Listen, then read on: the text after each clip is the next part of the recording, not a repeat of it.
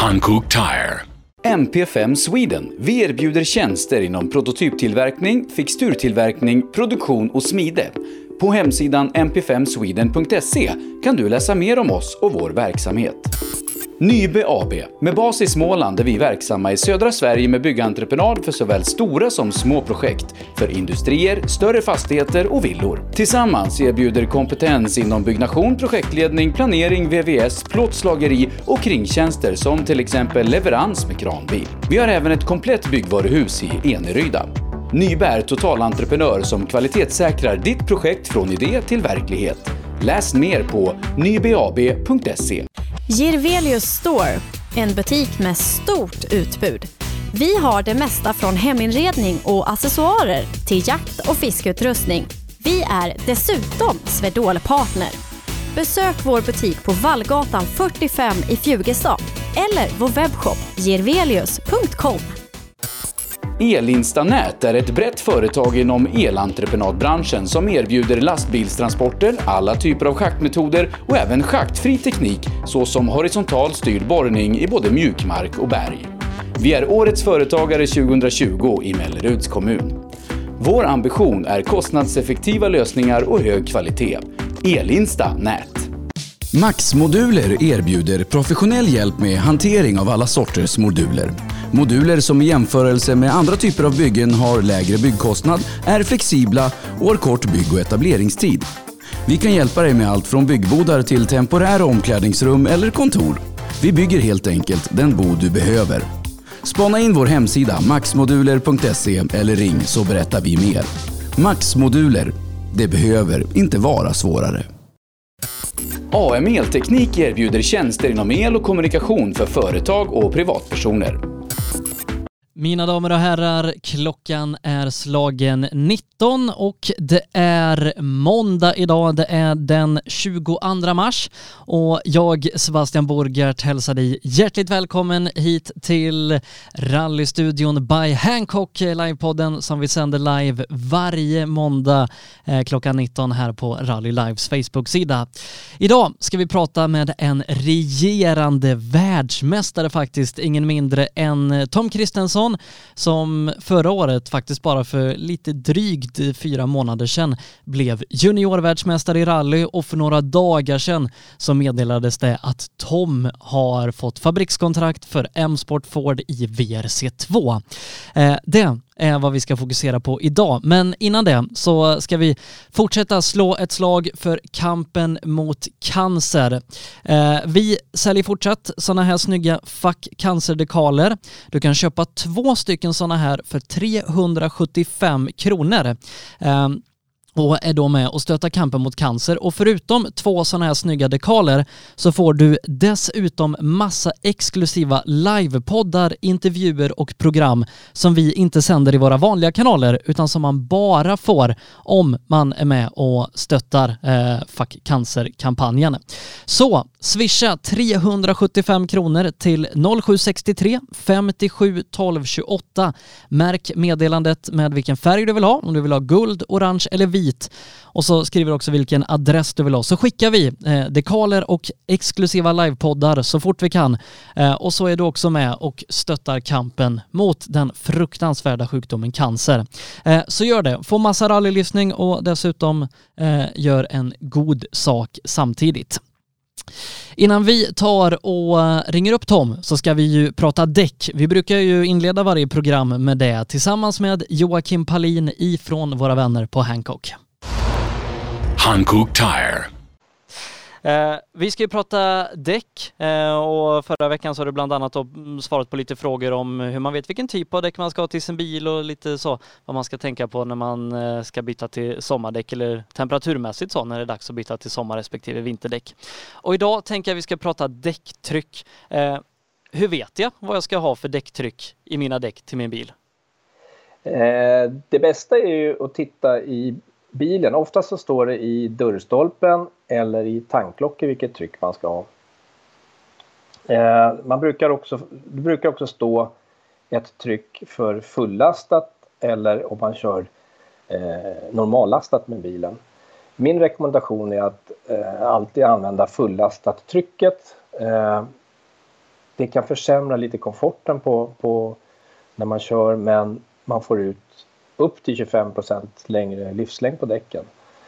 Om man då kan ta att det kanske blir lite stötigare att åka. Så att... Hur påverkar däcktrycket däckets egenskaper om man har för mycket eller för lite? Ja, där är också viktigt. Man får inte lägga i för mycket för då, då tappar man faktiskt greppet. Man får bättre grepp med lägre lufttryck. Högre lufttryck kan ge sämre grepp. Men eh, som jag sa 0,2 till 0,3 bar påverkar inte trycket eh, avsevärt mycket. Eh, sen som jag säger då, lågt lufttryck det är största anledningen till att man sliter däck eh, i förtid. Det är väldigt viktigt att man, man håller som sagt det, det angivna lufttrycket eller något över för att få ut eh, livslängden av däcken. Eh, som sagt och sen högt lufttryck, det, det, kan ju ge en lite stötigare körning då. Eh, om, man, om man gillar att åka mjukt så ska man kanske ligga då på rekommenderat lufttryck. Då har vi lärt oss lite mer vad gäller eh, lufttryck i däcken. Eh, Joakim, stort tack för att du var med och svarade på frågor även den här veckan.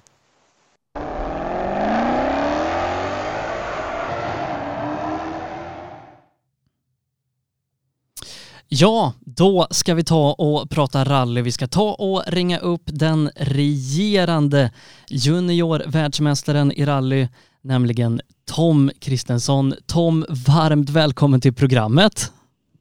Tack så hemskt mycket. Tusen tack. Eh, du, hur är läget eh, så här en, eh, en måndag i mars? Jag, jag förstår att det är mycket för dig och mycket rally. Det är otroligt mycket rally eh, just för tillfället. Eh, men främst är det ju otroligt mycket förberedelser eh, och mycket planering som ska till här nu. Så att ja, hjärnan går på helvarv och det var värdefulla 10 minuter att bara sitta här och vänta in detta samtalet. För jag kan säga bara sitta och summera allting i hjärnan. Det händer mycket på en dag nu. Eh, du, eh, vi, vi ska ju prata igenom din karriär från början till där vi är nu, men vi måste ju någonstans börja med, med fabrikskontraktet för M-Sport Ford i VRC2. Eh, hur känns det nu när det är klart? Ja, vad ska jag säga? Jag tror det har nog inte riktigt gått in än givetvis. Jag vet inte vad som är störst att bli världsmästare eller, eller få denna, denna möjligheten och denna chansen som jag har fått nu. Jag, eh, någonstans har jag bara bestämt mig för att bara kötta och ge järnet och verkligen se vad jag kan, eh, vad jag kan åstadkomma. Och sen får vi ta det därifrån. Men jag är givetvis otroligt glad och stolt över att ha, ha lyckats åstadkomma detta och fantastiskt otroligt tacksam för alla som är med som samarbetspartner eller sponsor eller med och stöttar denna satsningen. Så jag kan bara rikta ett, ett stort, stort, stort tack till alla som är med. Och, ja, det ska bli otroligt roligt detta året. Det ska bli jättekul att, följa det också eh, från, eh, från sidlinjen och tv-sofforna och, och sådär. Eh, men du, vi vrider tillbaka bandet. Varför började du med, med motorsport från, från första början? Ja, nu backar vi bandet. Jag tittar mycket framåt nu för tiden. Men vi ska prova att backa tillbaka så gott det går. Jag ska försöka få med de flesta av detaljerna. Nej men eh, det har väl alltid funnits ett eh, intresse hos eh, delvis eh, min pappa och, och, min bror. Vi har ju hjälpt till som funktionärer och hjälpt till att stå vägvakter ända sedan vi var väldigt små och alltid har haft stor glädje och passion för, för rally. Eh, främst då. Eh, pappa har kört både folkrace och rally eh, innan jag föddes. Eh, på på en, eh, en lägre nivå. Så att intresset har ju alltid funnits ju. Så eh, där började jag väl egentligen och hjälpa till som funktionär till att börja med. Uh, och um, liksom uh, Hörby då, det är ju lite av ett rallymecka ändå nere i Skåne. Um, var ni ute mycket och så, uh, liksom de där åren och hjälpte till?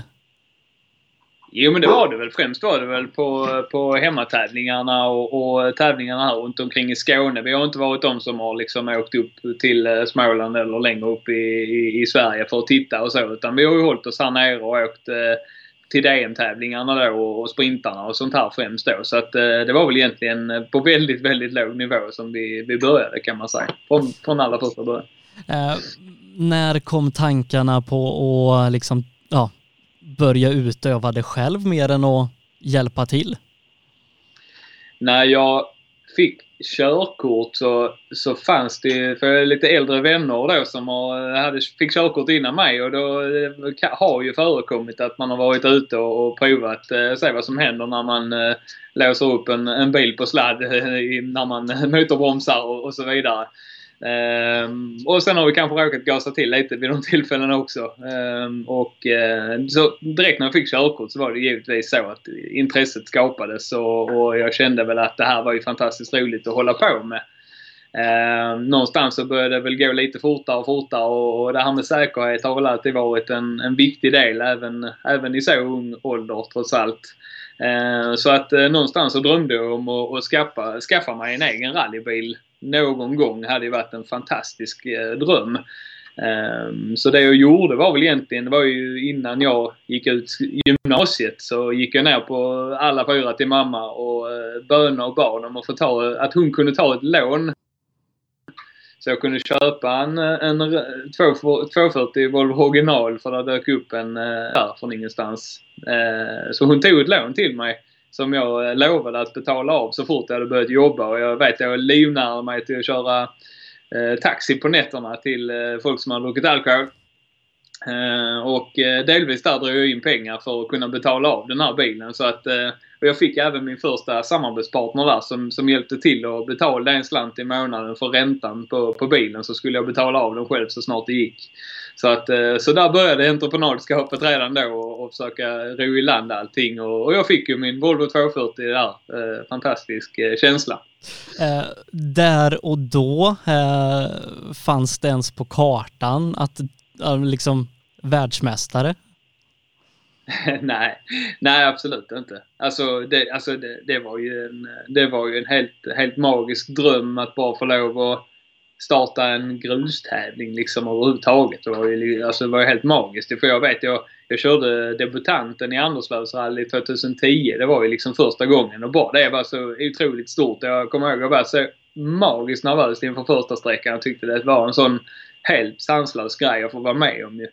Eh, och det var ju samma där. Jag, jag gick ju fortfarande i skolan då och, och såg väl till att kunna, eh, kunna köra för för de surt förvärvade pengar jag drog in på, på helgerna om man säger. Eh, och samt ett litet studiebidrag där. Och sen valde jag att åka bara föråkartävlingar för att slippa startavgiften då, rent ut sagt. Eh, så alla de pengar jag hade gick i tanken och till, till transport till och från tävling och sen så sen var det bra med det. Eh, det, det, finns ju om man liksom söker på dig på, på Youtube så finns det lite tidiga klipp därifrån början av 2010-talet och det var ju en ganska vild körstil ändå. ja, absolut var det det. Nej, men det var ju, det var egentligen det, den tanken jag hade med rally just att få lov att komma in i de skarpa svängarna och få lov att liksom sladda väldigt brett och kunna göra det på, vid ett kontrollerat tillfälle. För det var egentligen det som var det roliga där i början ju. Få lov att, få lov att sladda och få lov att liksom leka av sig om vi säger det så och kunna göra det inom kontrollerade former.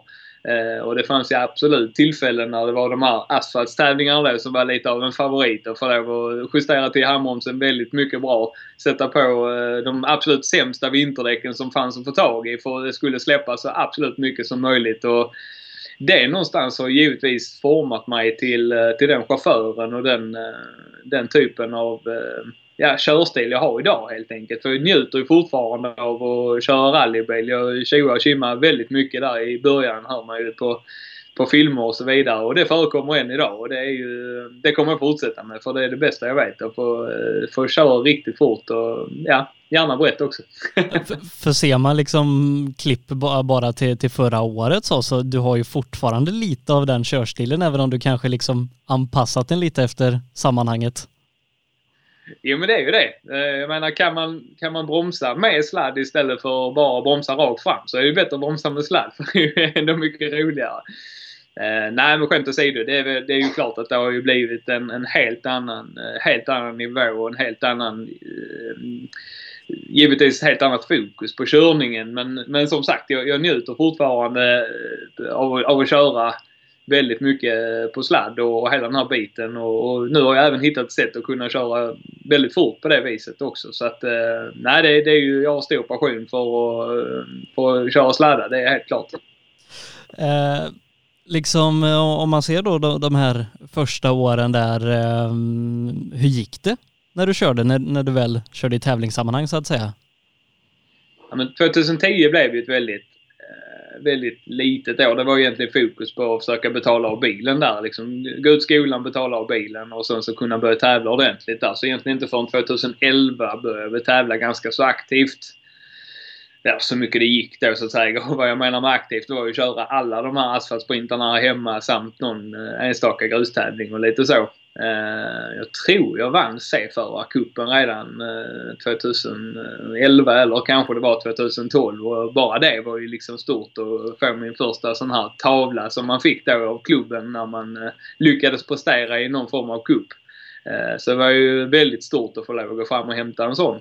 Um, sen 2012 så började det väl lite mer aktivt och, och liksom bli något seriöst. Och, och um, de hade jag väl märkt vid något tillfälle redan 2011 att det fanns ändå någon sträckor så här som det, det kunde bli något litet resultat. Så att eh, ja, men jag kände väl ändå att då var det läge att skärpa till sig lite och, och eh, verkligen försöka och ja, prestera på något bra sätt.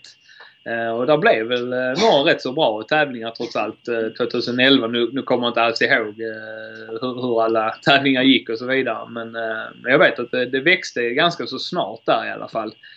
2000, jag tror det var slutet av 2011 eller 2012 så satt eh, min nuvarande mentor då, eh, Christer Krabba Håkansson och jag var stolt att visa en karfilm när man körde och sladda och då berättade han för mig att eh, eh, Tom du har ju faktiskt lite talang för detta och jag ser att du har bra linjer och bra bilkontroll eh, tack vare alla de här sladd, eh, sladdningarna då förut. Och, eh, så då sa han du kommer ju ha absolut potential att vinna Sverigeserien i, i framtiden. Och då skrattar man ju bara. Liksom det, ja, ja visst, det blir säkert jättebra. Det är ju roligt att du säger. Men, ja, och eh, då sa han jag ska hjälpa dig med, med lite möjligheter och hjälpa dig med lite tankar och tips och råd. Och du ska även få ett par däck utav mig. Så du kan ändå ha en ärlig chans. Så får vi se hur det går. Så där började det. Eh, så 2012 kan man väl säga att jag rätt så aktivt började liksom satsa på en en lite mer seriös eh, säsong om man säger. Men fortfarande i 240 och som, vad kan du, vart då? Var du fortfarande C-förare eller var du B-förare? 2012 blev jag nog... Nej, då var jag nog C-förare fortfarande. För jag vann... Nej, jag kommer inte ihåg. Kanske B-förare, jag är inte riktigt säker. Ehm, men i alla fall så 2012 gick och där, där skapade jag mig mycket kilometer. Och då, ja, jag kanske vann B-förarcupen och sånt. Jag har ju de tavlorna någonstans. I alla fall. Eh, som sagt och sen 2013, inför 2013 vet jag jag la otroligt mycket eh, energi på, på bilen.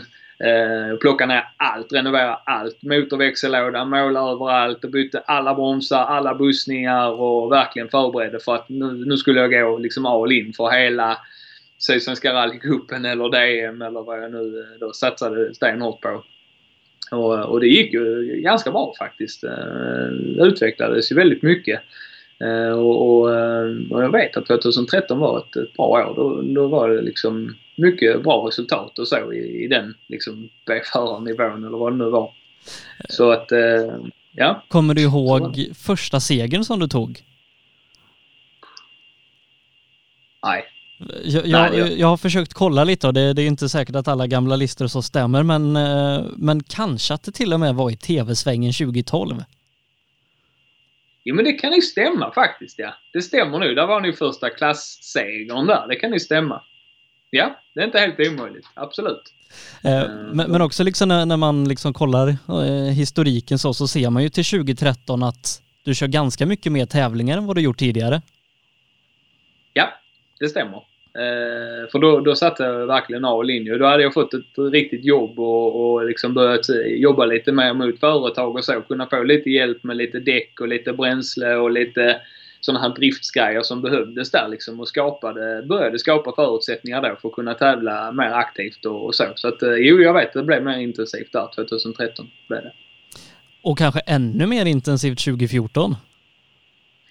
2014 då, då bytte vi ju till Volvo 940 vet jag. Eh, då var jag uppe i Hudiksvall och köpte den eh, kommer inte ihåg siffrorna.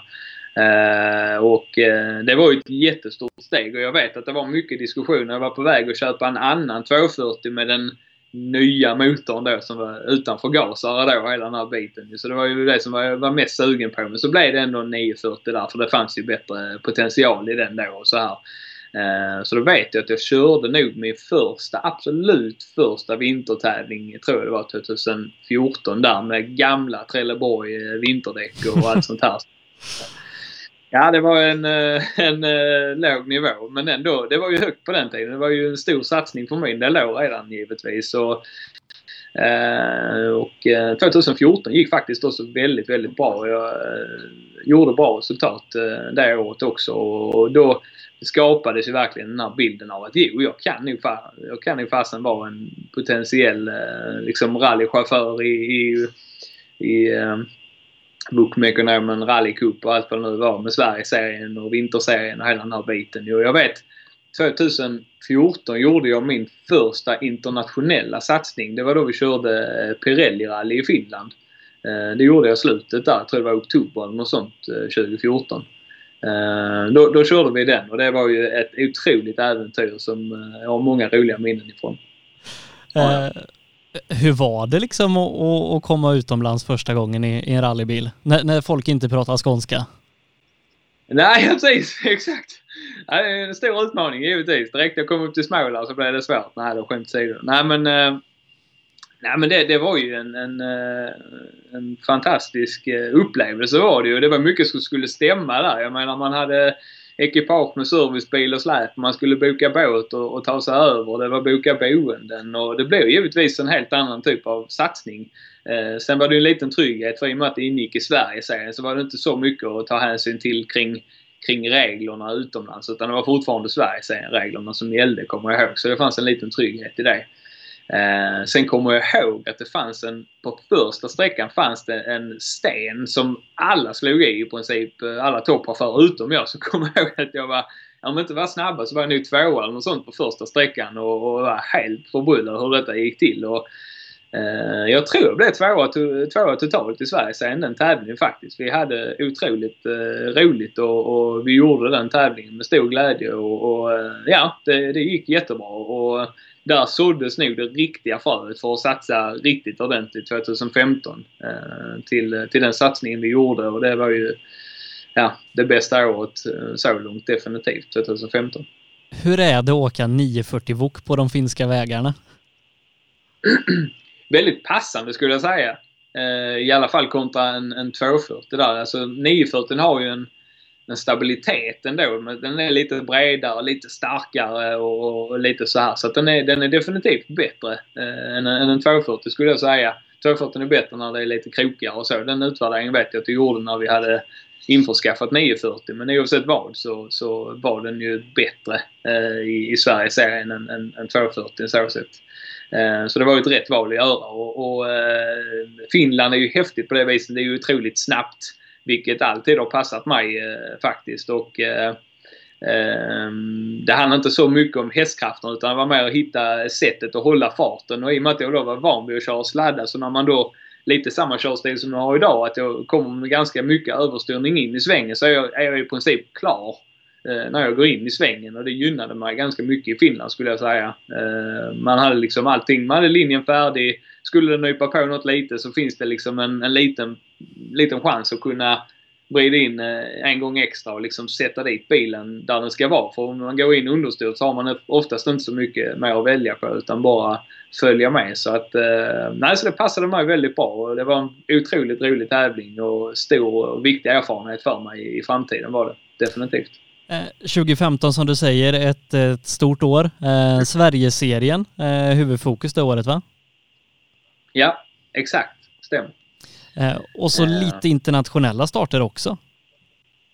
Ja, absolut. Det blev det också. Jag kommer ihåg att jag bytte kartläsare till Timmy Berntsson där från, eh, från Växjö. Jag kommer ihåg att jag skramlade ihop allting och vi skulle åka upp till Torsby där och göra vår, vår egentligen första riktiga vinterdebut där då. Alltså där vi satsade ordentligt och hade ändå rätt förutsättningar med det. Jag hade köpt begagnade Michelin och tyckte att det nu, nu är jag redo för att köra liksom. Eh, och jag och Timmy drar iväg första sträckan vi kör någonsin eh, på Finnskogsvalsen och vi får in ett fantastiskt eh, tempo och ja, det finns ju, jag kommer inte ihåg vilken sträcka det är, men den här soptunna-sträckan där med det här snedlyftet där. Där kommer jag ihåg, vi har ju sån super moment där. Man hoppar som in i världen. Det ska inte gå att hoppa med en sån stridsvagn egentligen, men vi hoppar rätt så bra. Och eh, har bra tempo. Vi lyckas ju, jag tror det var på två dagar var nog tävlingen. Vi lyckas ju vinna den. Eh, det var ju liksom, det var ju en, en chock alltså. Det skulle ju inte, det skulle inte finnas på kartan överhuvudtaget. Eh, så att eh, där gjorde vi ju en succé och liksom tog den första segern där och som skåning och kom upp där och vinna en vintertävling var ju fantastiskt stort och jätteroligt. Så att det började ju verkligen helt perfekt där 2015. Det gjorde Eh, och ett jättebra år i, i Sverigeserien och, och, jag tror det är bland de första gångerna som vi stöter på varandra, Dackefejden. Eh, tror det var Lessebo som utgick från det året. Eh, jag, vet, jag vet att Per frågade dig hur du kunde ha så många klistermärken på bilen. det är en stor bil. ja, det kan man undra ju. Nej men det är ju en gång. Just det, jag, jag startade ju faktiskt mitt företag också i november tror jag det var 2014. För att eh, då blev ju utmaningen att få in startavgiften där blev ju alltid svår liksom, för den kunde man inte få hjälp med från företag hur som helst. För det var inte ofta man fick kvitto. Så då blev det lite mer entreprenörskap där också. Starta ett företag, kunna jobba lite mer med, med marknadsföring mot företag och, och börja fakturera och liksom börja jobba med det redan där och då. Och, och då på det viset så fanns det möjlighet att få in fler företag också till att kunna vara med på satsningen. Eh, och redan där vid, tidig, vid tidigt skede så börjar ju jakten på att hitta många företag och hitta bra samarbeten som man kunde utveckla.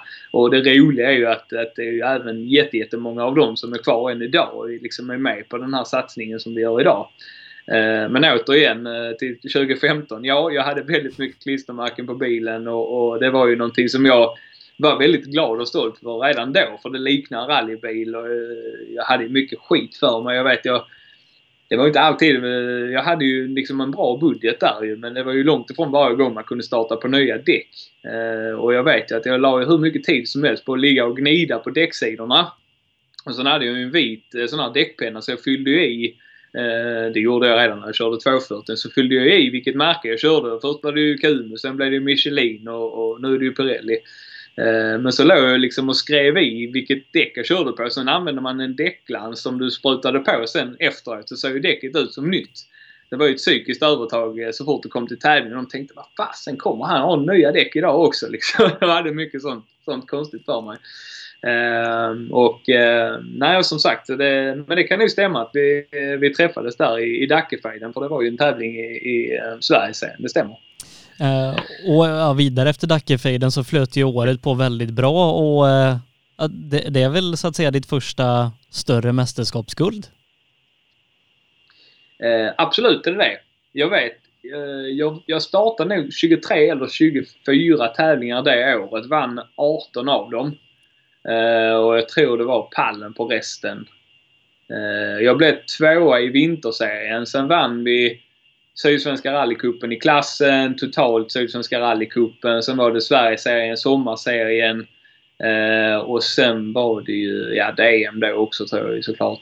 Eh, sen vann jag även Nordic West Euro Cup för precis som du nämnde så körde vi två tävlingar i, i Tyskland där. Både Ostsee-rally och Rally Solingen körde vi då som också ingick i Opel Rally Cup som vi sen körde 2016. Och jag kommer ihåg, eh, vi hade ju möte med Audex och, och Guido hade vi ju då när vi var nere i Tyskland på sista tävlingen. Så det var en eh, annorlunda känsla att komma in i sin eh, Vukoverall in i Opel-tältet där och sitta och ha möte med ett stort tyskt team där som vi då eventuellt skulle köra för. Och jag förstod vad det innebar med den typen av budget och den typen av utmaning att köra tyska mästerskapet i en bil med sekventiell växellåda och ja, det var så mycket som gick i huvudet på en när man satt på det där mötet så det var helt galet.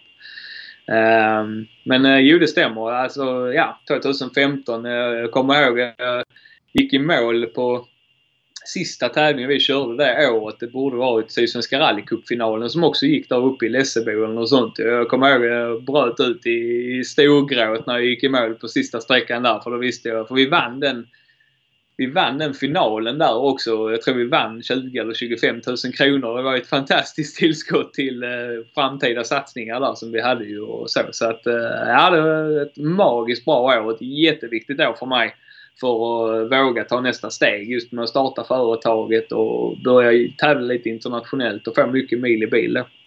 Eh, om vi liksom hänger kvar vid, vid Tyskland, eh, att köra i Finland är ju ändå någonstans kanske lite likt Sverige, men, men hur var de tyska tävlingarna?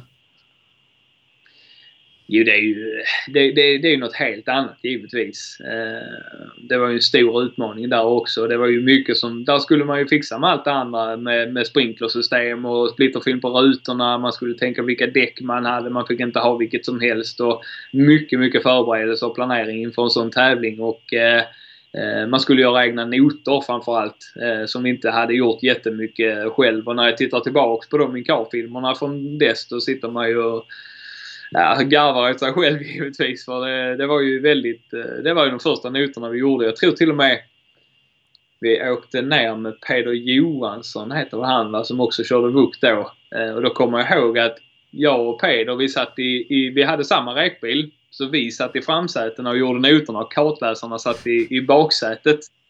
Eh, och eh, på det viset gjorde vi reken på den, eh, vid, den, vid det tillfället. Och, eh, ja, det var helt otroligt. Eh, ja, helt galet att vi lyckades ta oss igenom på det viset. Men, eh, men det funkade och det var fantastiskt roligt, jättelärorikt och allting. Så att, eh, ja, man lär sig och alla har vi börjat från början. så är det. Eh, men vad händer efter du har gått i mål sista tävlingen 2015? Då hade jag nog kommit ganska långt med, med planer och tankar och drömmar för, eh, för eh, Opel Rally Cup-satsningen. För att det var ju faktiskt så här att det var Jocke Sjöberg som, som ringde till mig i slutet av eh, 2015 och frågade lite vad jag hade för tankar och, och planer för, för framtiden. Vid det tillfället så var jag uppe på de här kilorna som, som är lite välkända nu också. Jag vägde 136 kilo vid detta tillfället. Jag kommer ihåg första gången jag och Jocke pratade i telefon. Då var de någonstans på någon EM-tävling, han och Emil, och körde då. Eh, och frågade liksom, ja men vad ska du göra nästa år och så. Då hade jag sambo vid det tillfället och jag sa, ja jag vet inte riktigt. Vi... Eh, eh, ja det var, ju, det var ju innan, en bit innan där ja. Får backa bandet lite. Mycket som ska klaffa här. Nej men det var lite innan där. Eh, så sa jag, ja men jag vet inte riktigt vad jag ska göra. Jag har ju sambo, vi tittar på gård och jag hade sålt lägenheten för att Eh, för vi bodde, jag hyrde något litet, litet, en liten stuga ute på någon gård som vi bodde på för vi skulle köpa en gård eh, och flytta till och så. Så jag sa, jag vet inte vad jag ska göra. Jag kanske ska försöka köra SM i en R2-bilen och sånt. Jag vet inte riktigt. Och då sa Jocke ganska direkt, ja, ja men då, då, då var det ingenting. Då, alltså, du ringde av någon anledning så du får ju, får ju berätta vad du ville. Jo men du ska ju köra Opel Rally Cup fattar du väl? Ja, jo det har jag ju givetvis tittat på eh, och försökt att tänka ut. Men det är alldeles för dyrt. Det kommer aldrig att gå. Nej, det är rätt, sa Jocke. Men den inställningen går inte. Och det var ju helt rätt eh, knapp att trycka på till, till mig då.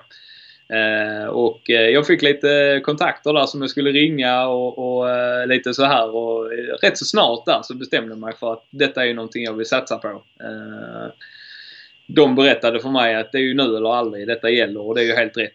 Eh, jag var ju redan sent ute. Eh, men samtidigt har jag mycket vunnit på att vara lite äldre och ha lite mer livserfarenhet och, så här som jag hade skapat mig då.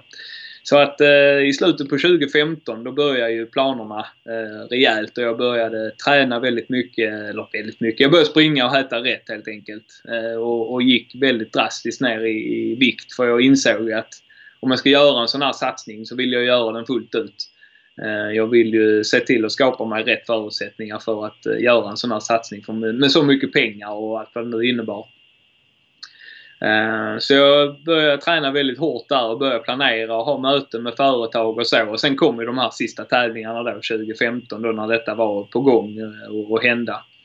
Det var någon detalj till jag tänkte på där. Jo, den lilla detaljen att när jag hade haft de här samtalen då och kom in och pratade med min dåvarande sambo så sa jag att det är, det är nu eller aldrig jag vill göra detta. Eh, och det är frågan om vi kan eh, hitta en lösning på att göra detta gemensamt. Och det kanske inte är läge att köpa gård nu utan vi får kanske göra den här rallygrejen först och sen så får vi ta gården sen. Men hon var ganska klar över att hon vill göra gårdssatsningen nu och jag vill göra rallysatsningen nu. Så ehm, ja, efter två och ett halvt år tror jag vi hade varit tillsammans och skulle bli sambo så valde vi att gå skilda vägar. Eh, och eh, hela den kontantinsatsen jag fick för, eh, för att köpa gård genom att sälja min lägenhet i Hörby, den la jag på första deltävlingen i Opel Rally Cup. och där började äventyret på riktigt. Det, det kanske vet, inte riktigt var en så här investeringsekonom hade rått jag att göra. Nej, så är det nog. Men eh, med facit i hand nu så tror jag inte jag hade kunnat investera de pengarna på något sätt eh, bättre än vad jag faktiskt har gjort. Så att eh, jag ångrar det givetvis inte en enda sekund idag att jag gjorde den, eh, den rätt så sjuka satsningen och det sjuka beslutet. Men eh, nej, det är lite galet ju. Men eh, jag tror man får vara lite galen för att kunna göra det vi gör trots allt. men liksom hade ni, var det liksom bara fokus på, ja men 2016 ska vi sitta där eller hade ni redan då börjat tänka mer långsiktigt kring hur din professionella karriär skulle kunna te sig? Alltså det var ju så här att alltså bara, bara att någon bara att någon berättade för mig att det fanns den möjligheten så såg jag ju den själv också. Men jag får ju villigt erkänna att, att, att för mig att stå i en Opel-overall vid första deltävlingen i Opel Rally Cup-säsong. Alltså det, ju, det var egentligen helt ofattbart redan där. Det var ju, det var ju verkligen en helt sjuk grej vi gav oss in i. Och eh, vi bestämde oss för att försöka göra det fullt ut så mycket det bara gick. Och det var som jag sa, hela den kontantinsatsen gick rakt in där. Och jag, jag vet att min räddning 2016 rent ekonomiskt var att en deltävling blev inställd på grund av någon politisk grej där. Jag vet att det var blev inställd och jag pustade ut av lycka nästan när eh, pressmeddelandet kom. Eh, för då tyckte jag att då, då, då fanns det en fysisk chans för mig att, att kunna köra hela säsongen. Så att det var ju långt ifrån enkelt att, att råda hela den här satsningen. Och, eh, det krävdes ju väldigt mycket. Men det var, givetvis fanns det ju ett mål om att ta sig och, och alltså den där lilla, lilla ljusglimten om att vinna Opel Rally Cup och bli en officiell fabriksförare för Opel, den fanns ju där. Men det var ju så långt över mina eh, tankar och liksom förhoppningar att jag vågar ju verkligen inte hoppas på det på något vis. Utan vi, vi eh, gick in i det väldigt ödmjukt och sa att vi, vi ser hur, hur det går lite som, som egentligen alla de andra satsningarna vi har gjort. Och sen går vi bara all in och gör allt vi kan och that's it. Det är ju vad vi kan göra. Så vi, vi kör på det liksom. Och mycket hjärta och passion än en gång.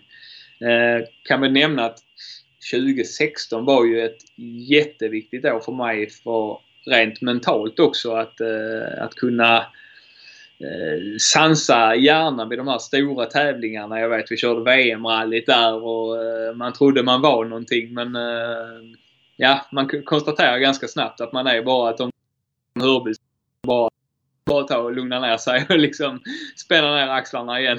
det fanns inte mycket att vara tuff för. Eh, så att eh, man har, man har gått i de här cirklarna och alla de här eh, händelserna som jag tror eh, alla kan uppleva någon gång som gör den här resan. Eh, Eh, så att eh, jätteviktigt år 2016. Jag vet, eh, jag kommer inte ihåg alla resultaten. Vi körde väl, vi körde väl sex, nej sju deltävlingar blev det då totalt. Det skulle varit åtta jag blev ju tvåa i kuppen efter Jari Huttunen 2016. Så att det var ju väldigt succéfullt år. och så. Så att det var ju väldigt, väldigt viktigt och väldigt bra för oss. Uh, uh, om vi liksom hoppar till, till första tävlingen där uh, i, i Tyskland hur var det liksom, så att säga, veckan och det som, som ledde upp till den här, så att säga, större internationella debuten? Eh, vad menar du? Alltså, eh, ja, men liksom gjort... känslomässigt och liksom eh, hur det var att, att vara i ett sånt sammanhang och liksom täv och tävla. Så här. När jag åkte ner till Tyskland och skulle skriva på kontraktet eh, för Audex jag, jag vet, jag hade ju när vi hade mötena när vi körde Volvo original i Tyskland så hade jag ju både Krabba, min mentor med mig och Timmy, eh, kartläsaren. Det var ju de som fick sköta snacket för jag kunde ju ingen engelska i princip. Eh, jag kunde förstå lite engelska men jag kunde i princip inte prata. Eh, så när vi åkte ner till Tyskland, kommer jag ihåg, vi åkte på sent på kvällen, sov i bilen över natten utanför Autodeppe i Tyskland. Och sen så träffade vi Guido där som var teamchef då för Audex på morgonen in och hade mötet som i princip var mellan Timmy då, kartläsaren och, och, eh, eh, och, och Guido Deppe då som var... Och så fick Timmy översätta till mig då i princip. Eh, så där började det. Eh, och, och eh, till slut så skrev vi på kontraktet och jag, jag, kan säga att jag har använt uttrycket innan. Man får hoppa ut ur stupen ibland och se lite vad som händer och det gjorde jag verkligen då. Jag, jag hade nog inte... Alltså jag hade en plan hade jag men jag hade långt ifrån kontroll på vad jag gjorde. Det, det ska jag ärligt säga. Men det var väl också en kick i att, att våga chansa, att våga ta de här stegen och känna att jag, jag behöver verkligen prestera. Det är inte läge liksom att vänta och se vad som händer imorgon. Utan allting vi kan göra nu, det gör vi nu. Och så börjar jag kämpa väldigt hårt. Eh, och sen stå där i en Opel-overall eh, vid den här bilen eh, med det här teamet. Det kändes ju otroligt professionellt. Där kom någon, någon tysk och la sig under och skulle spänna en, en bultjän och hela den här biten. Det var ju jättestort. Och helt plötsligt så ställs ju en, en kamera framför mig och en sån jättestor som någon står och håller så. Och så kommer det fram en, en kille som är tysk och börjar först prata på tyska. Lämnar över micken till mig och, och, och ställer en fråga på engelska. Och eh, nej förlåt, det var efter första sträckan. Så var det, förlåt mig. Vi körde första sträckan, Sallanfallsrally 2016 och det hade hänt någonting på sträckan så Hutten hade fått stanna och jag lyckades vinna, eh, var snabbast på sträckan och sen nästa sträcka blev struken och sen var det dags för service. Och då kommer ju Eh, då, då, när vi kom in på service, då kom ju TV-teamet och allt det här och, och då började han prata på tyska och så frågade han Okej okay, Tom, how is the feeling to be in the lead in your first rally in Hyper Rally Cup? Och lämnade över mikrofonen och jag bara uh, It's good. så man inte med det i princip. Jag kommer ihåg det var fullständigt kaos första intervjun och, och då kände jag direkt att det här behöver jag verkligen träna på och, och lägga energi på. Och som tur så har jag ärvt mycket av min mamma och det är väl eh, att kunna prata. Eh, så det, det, har jag övat väldigt mycket på och utvecklats extremt mycket. Eh, så att, men jag tror vi blev trea första deltävlingen på Rally Cup till slut. Vilket också var en supersuccé alltihopa Så att, ja, det var fantastiskt fantastisk upplevelse vet jag. Jag kommer ihåg att jag var helt färdig när jag kom hem efter den helgen och, och allting var helt crazy. Man åkte hem i en Opel-jacka och tyckte det var... Ja, det är ju fräckt givetvis. Jag, jag, tror du hade liksom tre, fyra andra platser under året där och blev ju tvåa i, i kuppen så liksom hur, hur ser du tillbaka på, på prestationerna? Första året i framhjulsdrivet, första året helt på asfalt mer eller mindre och första året utomlands. Ja, Ja, just det. Ja, exakt. Det var ju, det var ju första, första året jag körde framhjulsdriven bil och, hela den här biten. Och det är en fantastisk cup de, de eh, har. Nu finns den inte längre men Eh, det, är ju, det är ju verkligen ett superbra upplägg. Det, det, är ju, det är ju verkligen det steget som behövs. Det är en så pass avancerad bil och så pass ny bil så att den blir attraktiv och att den ger någonting till en. Sen är det ju bara 140 hästkrafter så man blir inte superexalterad av att starta på... Eh, så är det ju bara. Eh, men, men när man väl är igång så ger det otroligt mycket och just att alla kör med helt identiska bilar, helt med samma förutsättningar, och hela den här biten, så gör ju det att den som är snabbast och bäst vinner helt enkelt. Och, och eh, det är ju det upplägget jag gillar mest. Är det. Eh, ett otroligt värdefullt år för mig eh, 2016 och just att vi blev tvåa skapar ju en inspiration och en liten, liten ljusare glimt på den där fabrikssatsningen. Jag tänkte om jag satsar ett år till försöker skapa en lite större trygghet i budget. Försöker liksom hitta de här samarbetena och skapa förutsättningar så, så kan det finnas en chans att vinna Opel Rally Cup 2017. Uh, så därför tog jag det beslutet. Hade du någon hjälp av att typ Emil Bergqvist och Pontus Håman och flera hade, hade varit det tidigare? Eh, nej men jag, jag och Pontus, vi körde ju... Pontus Åhman då, vi körde ju sidan om varandra 2016. Kommer inte ihåg hur det blev 2017. Man körde det också. Nej, nej det gjorde han inte. Nej, precis. Eh, och, eh, så, men men jag, jag vet, jag pratade med Jocke även då. Just det, 2016 körde jag och Jocke en extra tävling i Tyskland som dök upp. Så då, då åkte faktiskt Jocke med mig den tävlingen 2016. Gjorde han. Så vi har ju haft, vi har haft kontakten under hela, det, under hela den tiden i Opel Rally Cup då kan man säga. Och, eh, eh, Eh, men, men eh, det var väl så skulle jag vilja säga. Eh, inte vad jag kommer ihåg i alla fall. Nu kanske någon blir jättearg på mig att jag inte kommer ihåg det. Men, eh, nej men så, det var väl mycket försöka fixa själv och Jocke var ju faktiskt en, en, en stöttepelare i det också. Anders Banger får jag faktiskt nämna som, som hjälpte Emil där i, i Opel Rally Cup-tiden hade jag mycket kontakt med och det var en av kontakterna jag fick av Jocke när han hörde av sig till mig när jag körde Volvo original då. Så att, eh, så jo, de har ju haft eh, stöd av då och få erfarenheten från. Men, men 2017, gick du in då med liksom ambitionen att, att vinna? ja, men så, det gör jag nog alltid när jag går in i någonting. Då vet jag. Alltså det, det är så här att, att vinna för mig är så självklart så jag lägger inget fokus på det. Nej. Alltså jag vet om när jag sitter där och, och, ska köra rallybil, då är det ingenting annat som gäller än att vinna. Så att jag, jag lägger faktiskt noll fokus på det. Så mitt fokus ligger ju på, kanske inte då 2017, men just nu, ligger ju på att ha roligt så mycket det går och njuta och, och fokusera på att andas och, och le. Det är egentligen det jag fokuserar på just nu. Uh, men visst, 2017, det var ju klart. Jag gick in i säsongen och tänkte att det finns ju en chans att vinna. Så det är klart att då, då skulle jag ju ta den. Uh, och se vad jag kunde, kunde göra där. Så att, uh, och jag har också väldigt dålig koll på resultaten nu faktiskt. Kommer på mig själv. men det blev ett bra år i alla fall. Och jag vet ju, eller du har koll på det? Eh, tvåa första tävlingen, eh, Rally Fågelsberg. Eh, första segern tog du sen i Sulinger.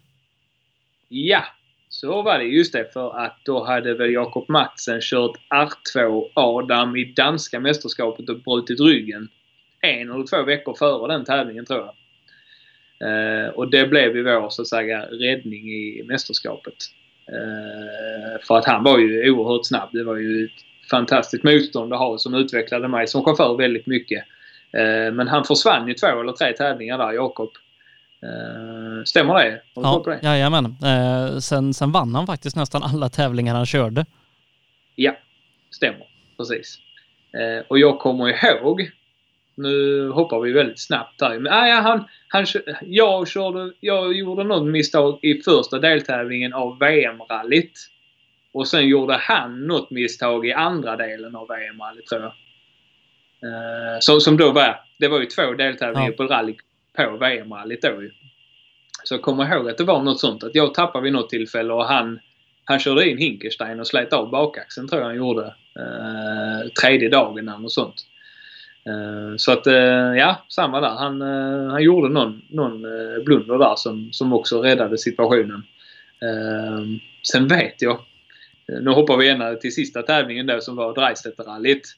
Då hade vi gjort alla de här testerna man skulle göra. Det var ju både fystest, mediatest, tekniskt test eh, och sen var det någonting annat med. Ja, det var det i alla fall. Och då vet jag att efter de här testerna som alltid är väldigt eh, nervöst, jag gjorde dem redan 2016. För fabriksteamet? Eh, ja, exakt, ja. exakt. Eh, när, när Opel Motorsport då kommer och tar ut en för de här eh, grejerna. Eh, så, så vet jag att innan tävlingen så kommer Jörg Schrott, teamchefen för Opel, spänner ögonen i mig innan vi ska starta rallyt och säger Tom, du måste vara snabbast på de två första sträckorna. Sen vände han och gick. Oj. Bara så. Ja. Tack för det. det ordnar jag. Och jag, jag, jag, vet att jag hade sån jäkla flyt där för att...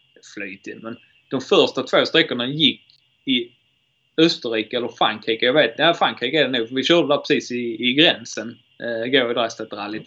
Och då, då, det var väldigt, väldigt mycket, det var helt annan karaktär på de sträckorna. De svängde på mycket mer, var mycket mer följsamt som passade mig mycket bättre än det här klassiska tyska rakt och vinkel och rakt och vinkel där man bara ska döda drivaxlar i inbromsningarna. Så att jag lyckades nog vara snabbast på de två första sträckorna liksom och, och, och var helt superlycklig över detta. Eh, men jag vet också, just det nu backar vi bandet igen. Jag körde ju min första EM-tävling där med Audex ju, eh, i Lettland och då vann vi ju faktiskt i Lettland också. Eh, vilket där skapade någon slags, ja, lite så här att, att vi var ändå någonting att räkna med. Och, och liksom att, ja, det var ju en, en helt sjuk grej också som vi gjorde och det resultatet var givetvis helt magiskt ju. Uh, och uh, ja, så var väl liksom där. Det kändes bra inför Dreistedt-rallyt och det, det räckte nog att vi blev tvåa det rallyt för att vinna kuppen. Och jag tror nog att det blev så också. Uh, ja, precis. Men, men jag var ju snabbast på de två första sträckorna. Gjorde det jobbet jag behövde göra. Och, och vann då Opel Rally Cup och blev fabriksförare för Opel i Tyskland. Vilket var Ah, ja, så... Nackhåren, det står rakt ut. Det var ju det största som någonsin kunde hända. Eh, helt otroligt magiskt var det. Och eh, ja, det är så stort och... Ja, det är riktigt, riktigt häftigt det är det. Det är bland det bästa jag har gjort så långt givetvis. Och då bara liksom två år efter du körde Volvo original och liksom eh, vägde betydligt mer. Ja men precis. Alltså, det är just det. Alltså, det jag, har ju, jag har ju lyckats överträffa mig själv och, och gör ju faktiskt även fortfarande. Och, eh, nu har jag ju någonstans kommit så långt så att jag, jag, jag tänker inte så jäkla mycket längre. Jag bara kör. Och jag har gett mig själv ett löfte och jag har lovat att jag ska se hur långt jag kan komma och jag kommer, jag kommer göra det till, till pumpen stannar, höll jag på sig. Men till jag känner att jag inte klarar längre eller egentligen till jag känner att det inte är roligt längre. Då har jag egentligen bestämt mig för att då blir det inte mer. Eh, så att, eh, och, och precis som du säger då att eh, då liksom kommit från Sverige och Volvo original och, och liksom bli fabriksförare för Opel på så kort tid. Egentligen gjorde ju Emil en lika kort resa så sett. Men nej, det var jätte, jättestort och, och fantastiskt roligt och ja, bara tanken. Jag, jag, jag just det, jag hade kollat på Azorerna eh, jättemycket innan också. När även Emil och, och Jocke, när de körde där, jag tror det var 2015 de körde där ja. Då såg man ju det här Azorerna och tänkte shit de får lov att köra där en gång i sitt liv. Eh, var ju något helt makalöst Och eh, ja, så det var jättestort där. Så det var en, eh, en galen utmaning jag hade framför mig inför 2018 där var det. Vad, vad var störst, att vinna Opel Adam Cup eller få fabrikskontraktet? Det var lite samma nu med JVM-segern eller, eller fabrikssatsning i VRC2. Jag vet faktiskt inte. Det, det är egentligen lika sjukt alltihop om man, om man ser tillbaks på det eller tittar på det så här rent realistiskt. Alltså det är ju så jäkla stort och, och det egentligen blir det ju på olika sätt. Någonstans så blir den ena en, en målstolpe eller, eller en, en milstolpe. Eh, var på det andra blir ju en, en fantastisk eh, inspiration och, glädje att se fram emot. Eh, så att energin och glädjen i det är lika hög fast på ett annat sätt kanske. Det är nog det bästa sättet jag kan förklara det på. ja, liksom eh, utan att gå in på specifika siffror så, men vad, vad innebär det att vara fabriksförare för ett team som Opel? Det är väl liksom inte att du, du liksom flyger privatjet och har allting serverat, även om du är fabriksförare? Eh, nej, men precis. Så är det ju. Givetvis. Man får, ju, man fortfarande, man får fortfarande betala. Eh, och det är väldigt, väldigt mycket pengar. Eh, och det är som du säger, vi, vi får inte lov att nämna några siffror ju, men det, det, är väldigt mycket pengar och det, det kostar mer än en Opel Rally Cup-säsong. Eh, gör det. Eh, och, eh, men det är ju också så att om man skulle titta på det så, så om man summerar vad allting kostar och, och fraktar eh, två stycken lastbilar med alla dessa reservdelar med personal, eh, Eh, med catering och, med, med bil, med drift, underhåll. Så får vi betala, man betalar ju bara en summa till Opel och sen så fixar de alltihopa. Så, det, så funkar det. Så man summerar alltihop och vi körde ju två tävlingar i tyska mästerskapet. Eh, plus VM-rallyt plus alla deltävlingarna i EM så skulle jag ändå säga att det är väldigt billigt trots allt att, att göra den fabrikssatsningen. Så att det är ju ett fabriksstöd på det viset. Eh, det är det. Mm, men det kostar fortfarande mycket pengar. så är det uh, men, uh, men liksom som en del av fabriksteamet var det mer test och utveckling och kunde de supporta dig liksom i din utveckling? Ja, helt klart. Vi körde ju test inför varje tävling, gjorde vi. Och det var full support där också. Jag kommer ihåg när vi kom till Gran Canaria då hade jag kört, då, då hade ju Krabba, min mentor, köpt en, en eh, Opel eh, Adam R2 som vi hade här på hemmaplan. Jag hade ju precis kört min, eh, min hemmatävling i, i Hörby. Kommer, kommer inte ihåg om de körde i tävlingen. Jo, det tror jag de gjorde. I alla fall. Så jag hade en ganska tydlig setup på bilen som jag hade med mig ner som sa så här ska jag sätta upp bilen. Ja, gör du det? sa de. Det är helt okej. Okay. Men vi vet hur det kommer sluta när, när, när du är färdig med testet. Det är så som bilen står nu. Så börja med det och sen kör du med den setupen du vill ha så kan vi gå tillbaka till den setupen igen. Och då tycker jag att Alltså det må hända vara fabriks eh, och allt det här va. Men eh, som tysk ska du inte komma och peka med hela handen eh, vad jag ska göra. Jag tror vi körde 12 eller 14 mil test den dagen. Och setupen var som de sa när vi, när vi avslutade. så man lär sig väldigt mycket och de var superbra allihopa. Det är ju absolut bland det bästa teamet jag, jag har kört för. Eh, fantastiska människor och otroligt team. Jag vet att budget och, och möjligheter var lite mer begränsat när jag körde för att det blev ju så att säga sämre och sämre eh, under åren, årens gång här med, med deras möjligheter och, och så. Va? Men otroligt team, jättelärorikt och, och toppenupplägg på alltihopa. Fantastisk, eh, fantastiskt team helt enkelt. Eh, Opel hade ju eh, då eh, vunnit EM alla år som de hade varit med. Så, så var det liksom någon press att vara fabriksförare för Opel med det i ryggen? Eh, när jag gick in i 2018 så upplevde jag en press. Pressen var lika stor på mig för att det var mitt sista år, min sista chans jag hade att vinna EM. För det var ju Under 27 nu 27 eh, ERC. Och eh, så pressen var väldigt stor på mig. Eh, på mig själv, mot mig själv. För jag ville ju såklart jättegärna vinna EM i mitt liv och, och tänkte att nu har jag ju chansen. Plus precis som du säger att, att Opel hade vunnit alla åren så det vill man givetvis hålla, hålla kvar den. Eh, och vad innebar då det? Jo, kom till Azorerna. Eh, och vad tänkte jag då? Jo, jag tänkte jag skulle vara snabbast på kvalet. Jag skulle vara snabbast på SS1, SS2, SS3 och så vidare och så vidare och så vidare. Så skulle jag vinna hela tävlingen. Det var ju det som var. Det var ju ungefär den pressen jag satte. Jag kommer ihåg att jag jag tog nog i så eh, blodkärlen spräcktes i, i pannan på mig. Eh, jag, jag var snabbast på kvalet vet jag. Fantastiskt bra. Eh, jag var nog, jag kommer ihåg att jag var eh, ja, det gick inte så, så bra i början där heller. Det tog för mycket. Eh, för jag ville så himla gärna. Så så hade jag rätt så taskiga sträcktider där och sen var jag på gång igen på någon sträcka. Sen tror jag var på SS4. Där vi går i mål, går igenom målskyltarna och efter det slår vi i den här stenmuren på höger sida och rullar två varv och slår av i princip de hjulen där fanns på bilen. Eh, men jag var snabbast på den sträckan. Så det var jätteroligt. Eh, hade du någonting du tänkte på? Ja, men hur, hur är det att krascha en fabriksbil? Hade det varit din egen Volvo, ja men då är det liksom dig själv du har att liksom vara arg på. Men eh, hur är det när man ringer till teamet och ja, det här hände? Mm. Och så första tävlingen där. Bra. Nej, det var inte så bra.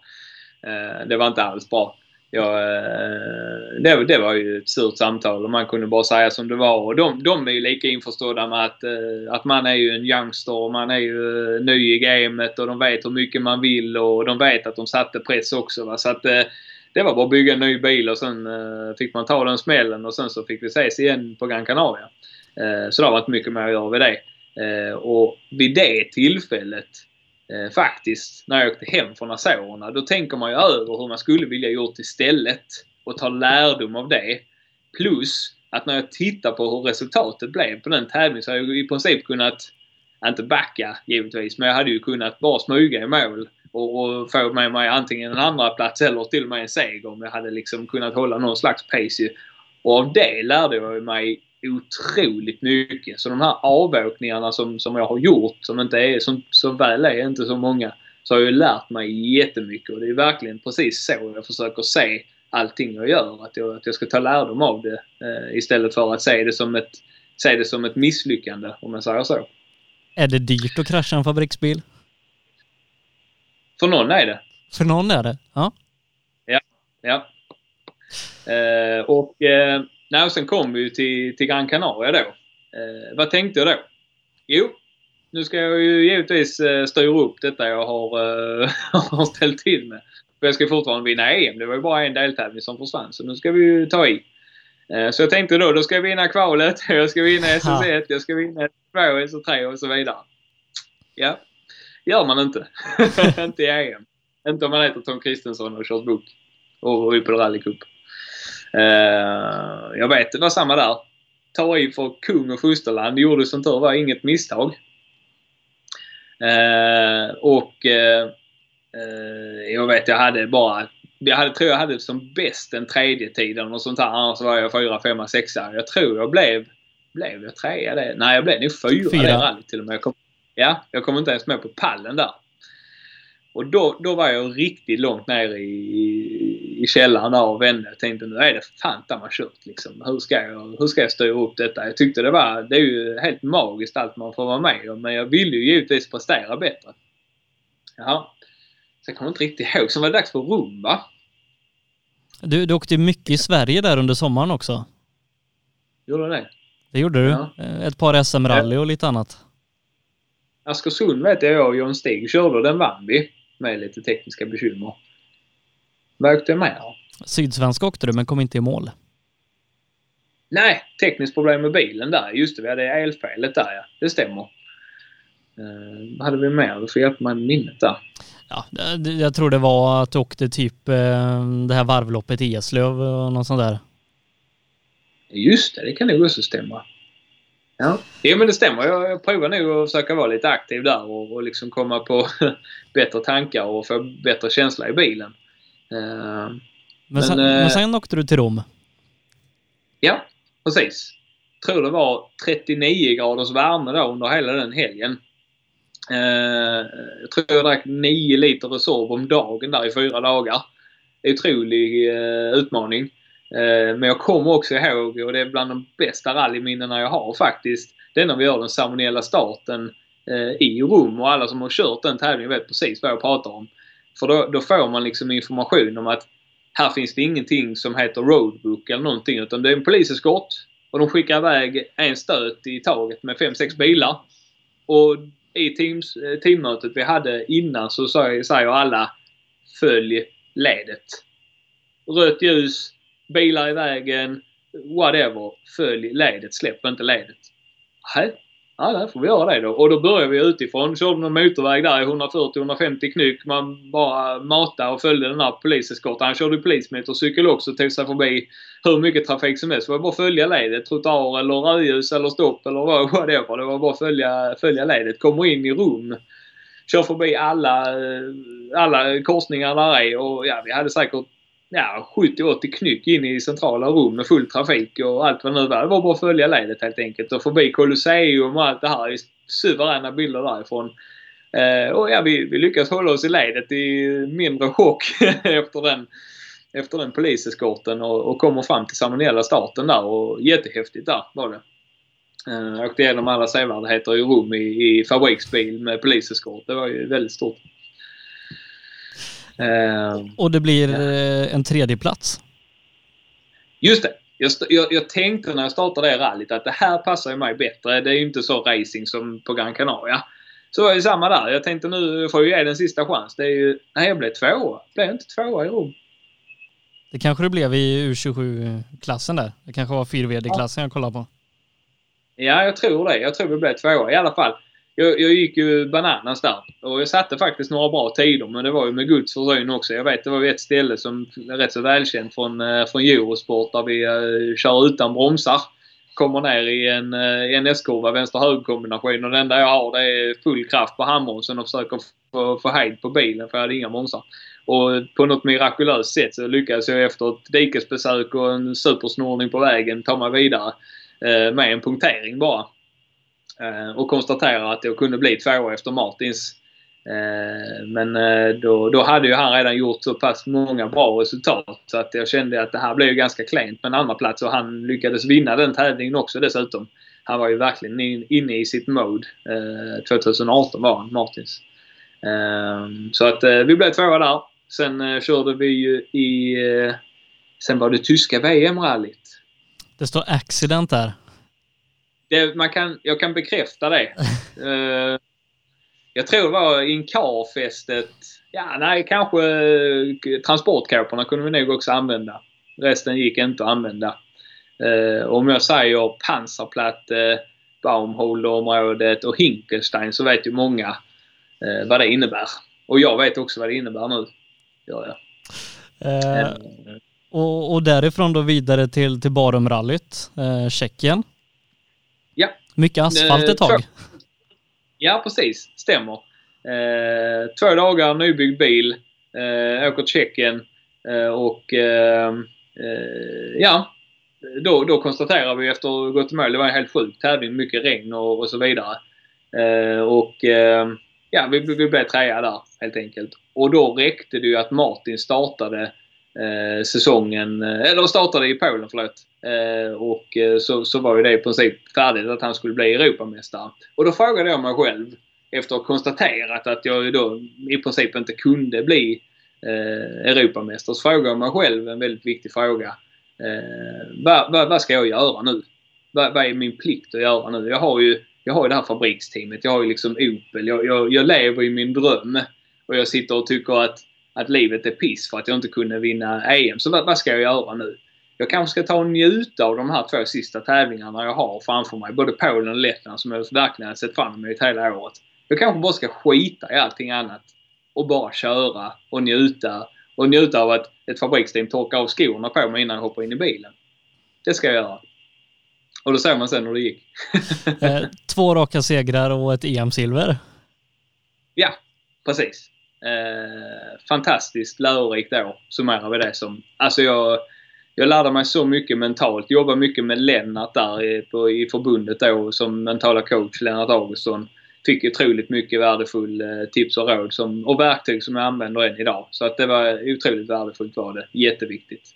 Men det, det är ju som sagt ändå inte fy skam eh, med, fyra pallplatser åt EM-silver. Även om du vill vinna givetvis så, så är det ju, det kan man ju se tillbaka på och ändå vara lite stolt över. Absolut. Nej, nej, alltså det ska ju absolut inte... Det, det ska man inte säga någonting om. Jag gjorde verkligen vad jag kunde och jag visade att, eh, att jag var, var värd den andra platsen i alla fall. Det är helt klart.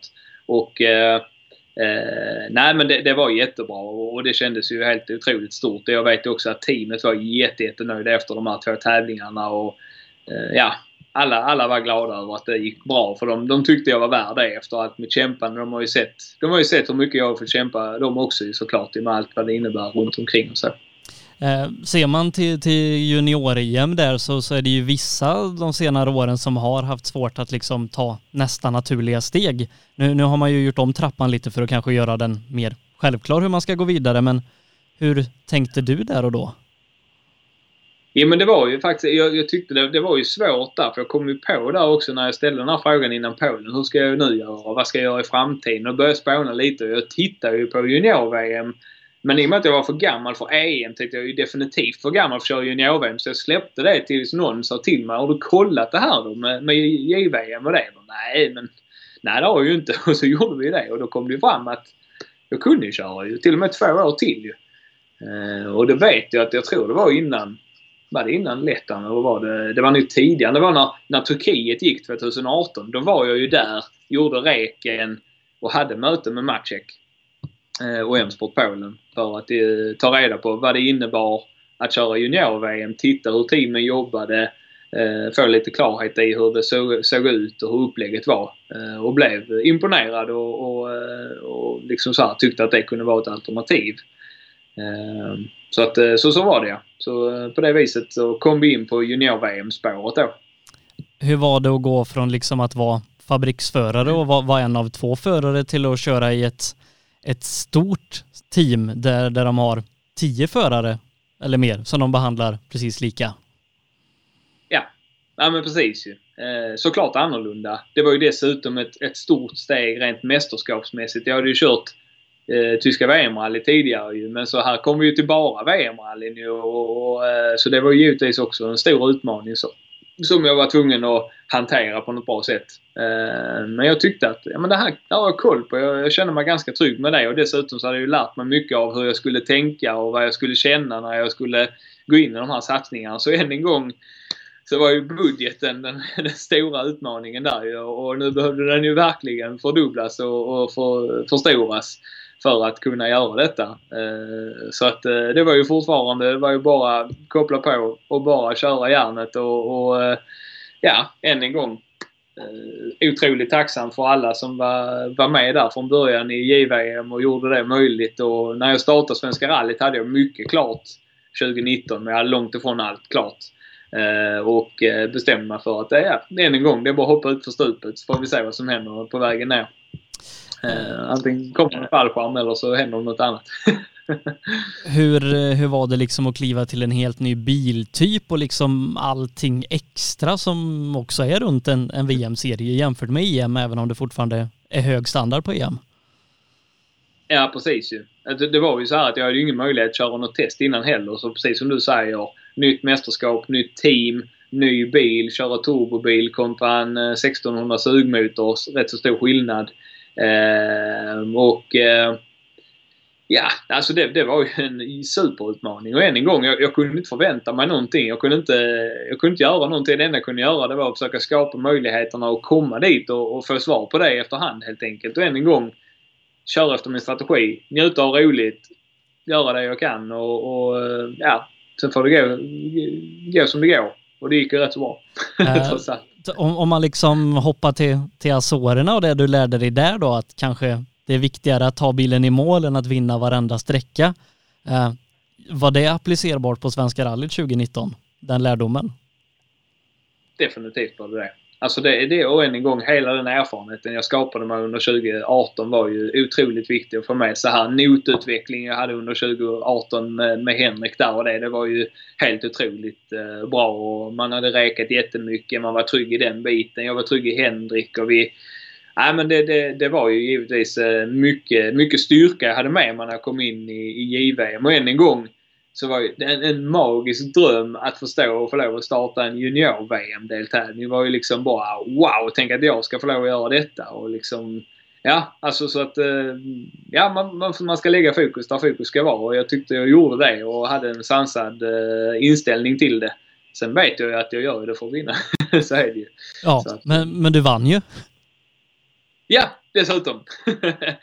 ja, men än en gång, det, det viktiga var ju att ta den i mål och, och uh, ja, det, det, hände ju mycket under, under resans gång där ju och, och eh, med facit i hand så ser man ju i JVM att det, det viktigaste där är ju trots allt att försöka minimera misstagen. Det är egentligen det där man ska börja. Och sen försöka skapa någon form av eh, nivå och köra på också givetvis. Alltså med fart och allt vad det nu är. Så att, eh, men vi vann ju absolut. Och, en eh, fantastisk dröm att få lov att kliva högst upp i, i Värmland på en eh, Rally Sweden. Och jag hade ju varit och tittat där många gånger och liksom, ja, bara för starta den var ju helt magiskt. Och, ja, jätte, jättehäftigt var det. Jag, jag, jag kommer ihåg jag stod på eh, Torsby flygplats precis i målkurvan innan den här liksom målbågen där eh, och, och ser att du liksom på rakan innan sträcker upp näven.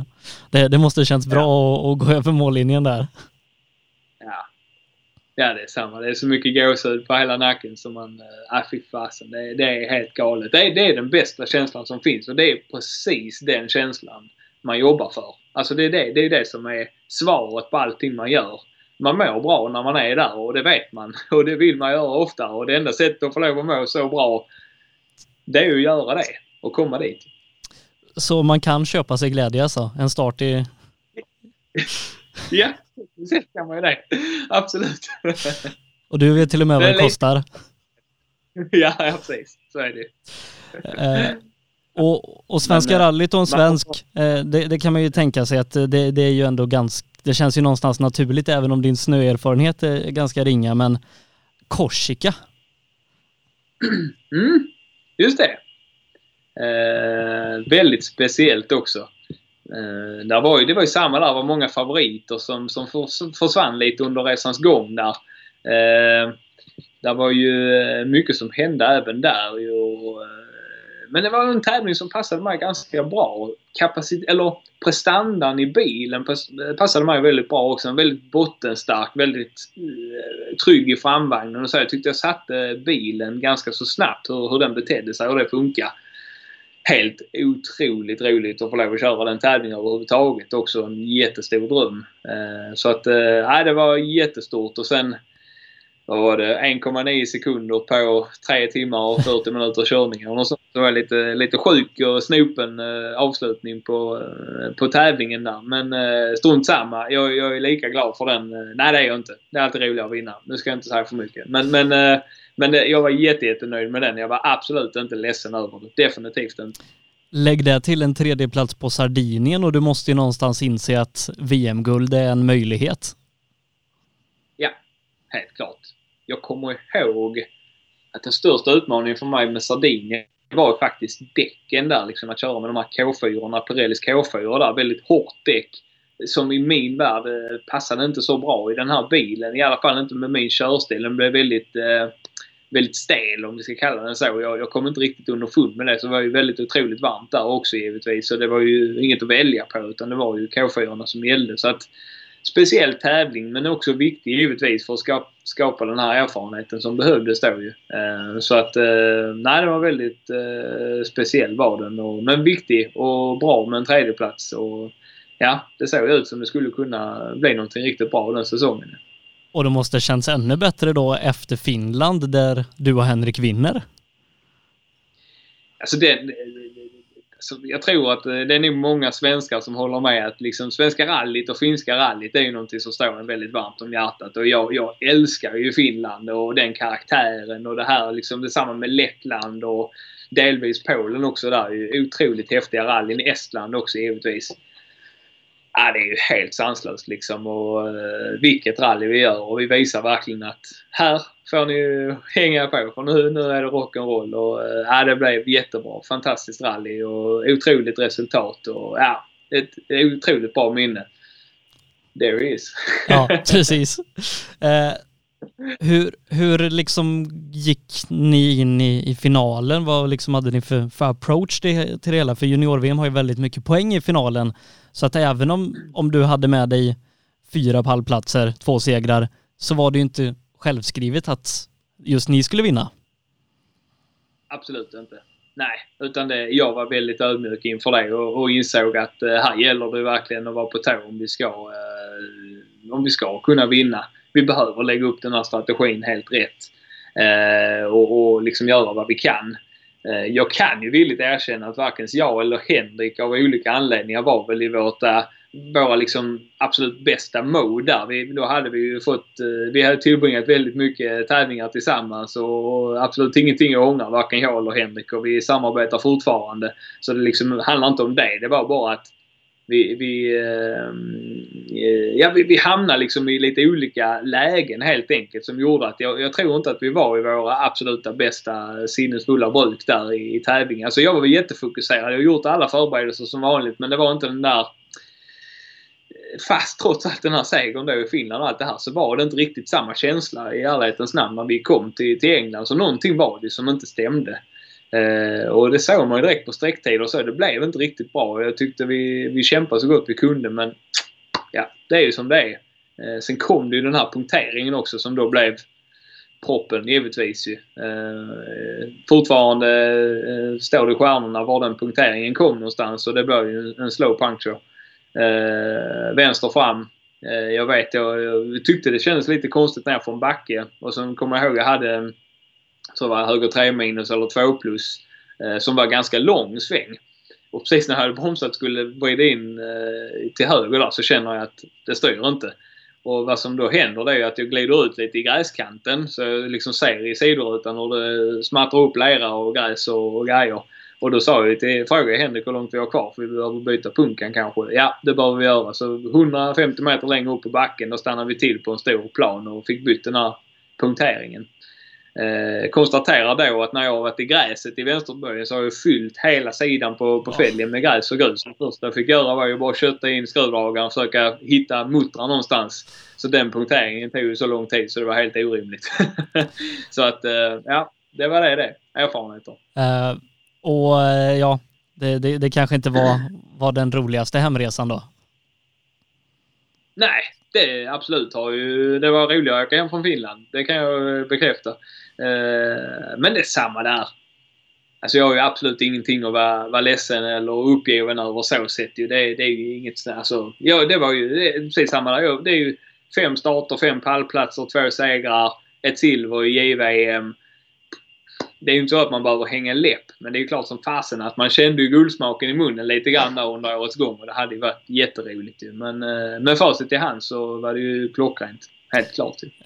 Ofta då när man liksom kör eh, så att säga serier längre ner i systemet så kan man ju tidigt börja jobba på nästa steg. Eh, även om du inte liksom så att säga vinner junior-EM så kanske det ändå är naturligt nu då att köra en rally 3-bil. Eh, liksom så att man kan jobba så, men just junior-VM så är det ju ett så stort pris.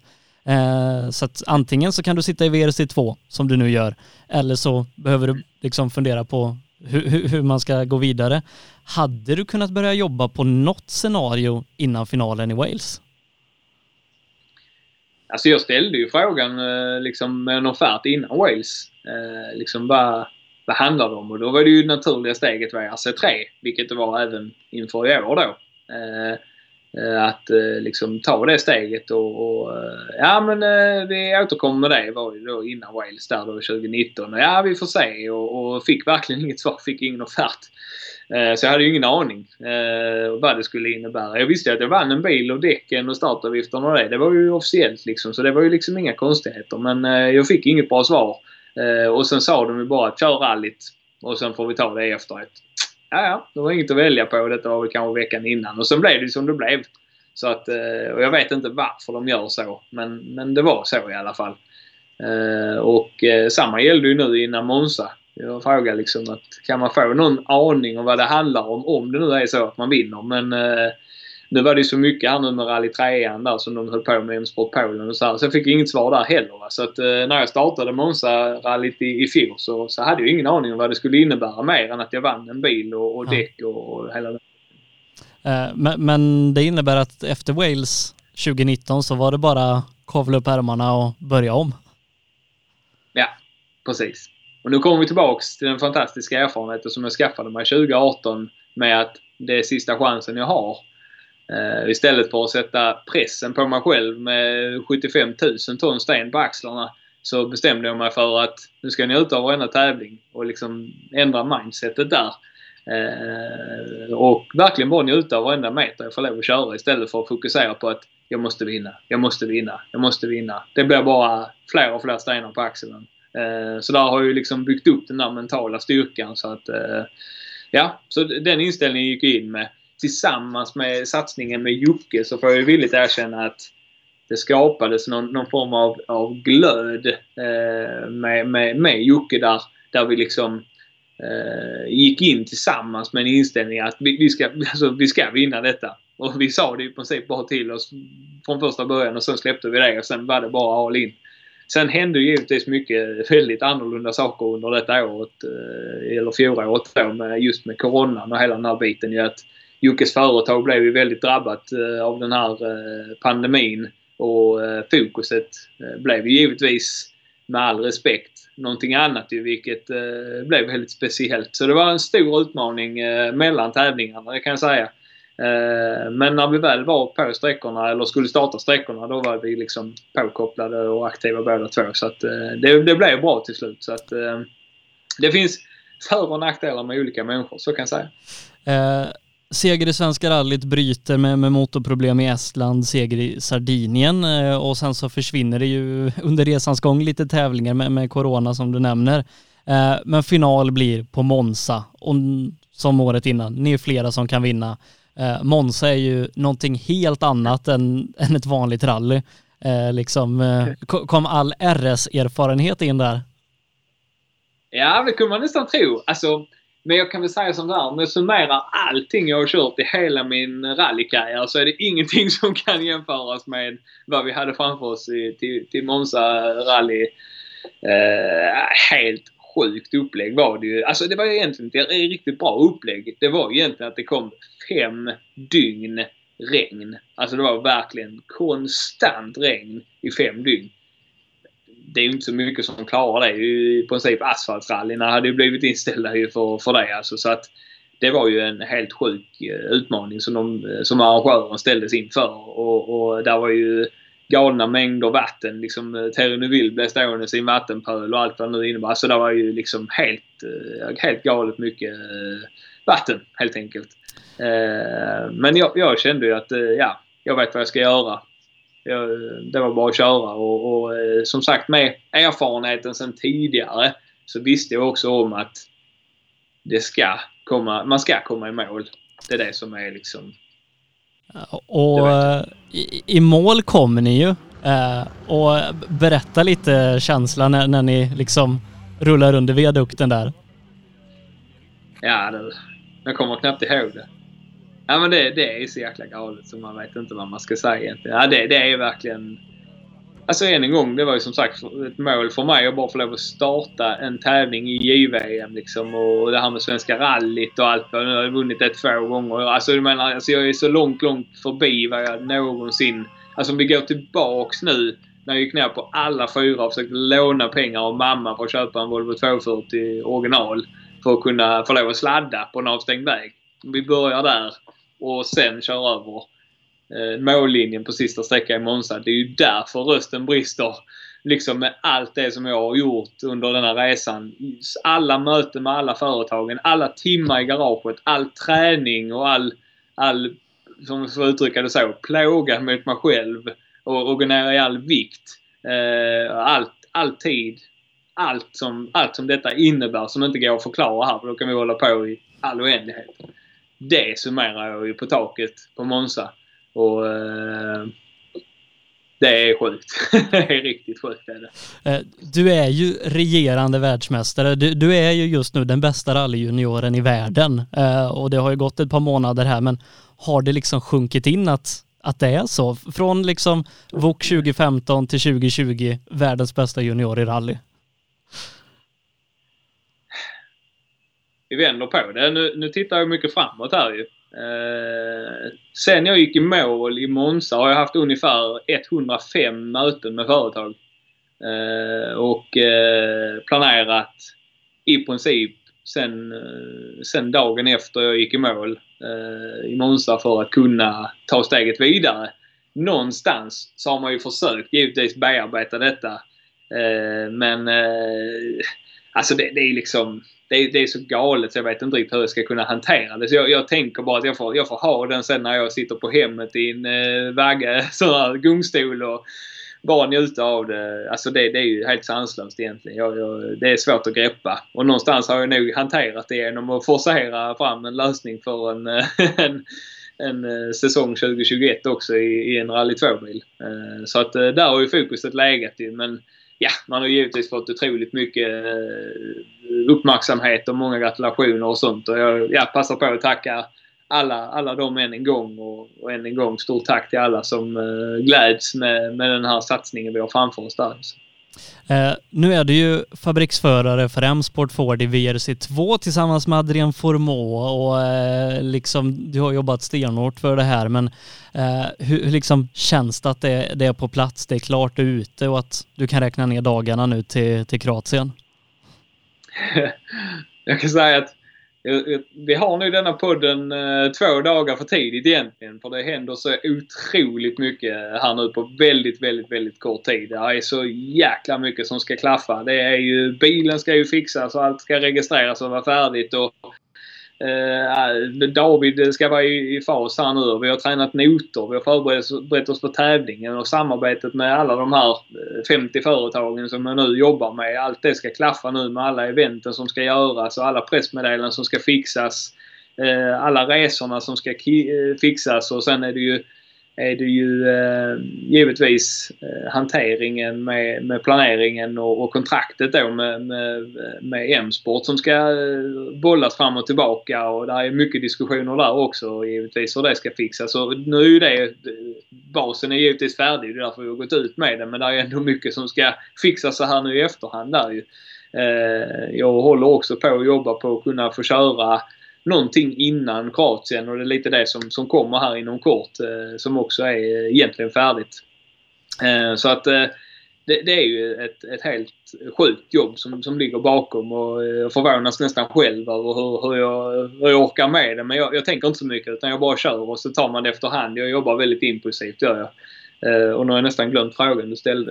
Uh, ja, men uh, du, du kliver in i VRC2 liksom fabriksmästerskapet för, för rally 2-bilar. Du ska möta vår landsman Oliver Solberg, eh, Andreas Mikkelsen, världsmästaren, Mats Östberg, Adrian Formå eh, som du tävlar mot och många andra. Hur ser du liksom på ge dig in i det gänget första året i 4VD? Med fantastisk glädje. Med fantastisk känsla. Eh, jag, jag, jag, kan ju, jag kan ju faktiskt inte få en bättre möjlighet än jag har nu och, och eh, visa vad jag går för med det motståndet, med den här bilen, med eh, världens största rallyteam, med eh, hela den här eh, grejen som jag har framför mig nu. Eh, det, är, det är klart liksom jag ska köra och det, det är plan, en plan för alla tävlingar. Eh, det ser jättebra ut för tillfället, det, det ska jag säga. Så att eh, jag, jag gör det med otroligt stor glädje och sen kommer jag ju få lägga ner ett lika galet jobb under årets gång för att liksom kunna sy ihop hela den här säcken eh, och, och så här. Men eh, nej, jag, jag, och, och, jag kan inte förvänta mig så mycket det där heller. Liksom, och jag har ju inte kört en sån här bil i princip. Jag fick en chans att köra en, en, en MK1 R5 här nu på en bandag här nu för, eh, vad var det, i fredags var det.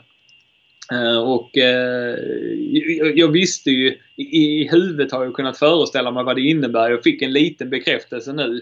Eh, och nu hoppas jag kunna få ett, eh, ett eh, ordentligt test och, och flera, riktigt många mil faktiskt innan, på asfalt också, innan Kroatien. Så att vi är riktigt förberedda. Både jag och David inför den här uppgiften som oss tillsammans men också att vi får en bra känsla i bilen. Så ja, jag, jag ser så himla mycket fram emot det. Jag, ja, det är så tokigt så jag vet inte vad jag ska säga. Det är, det är riktigt galet är det.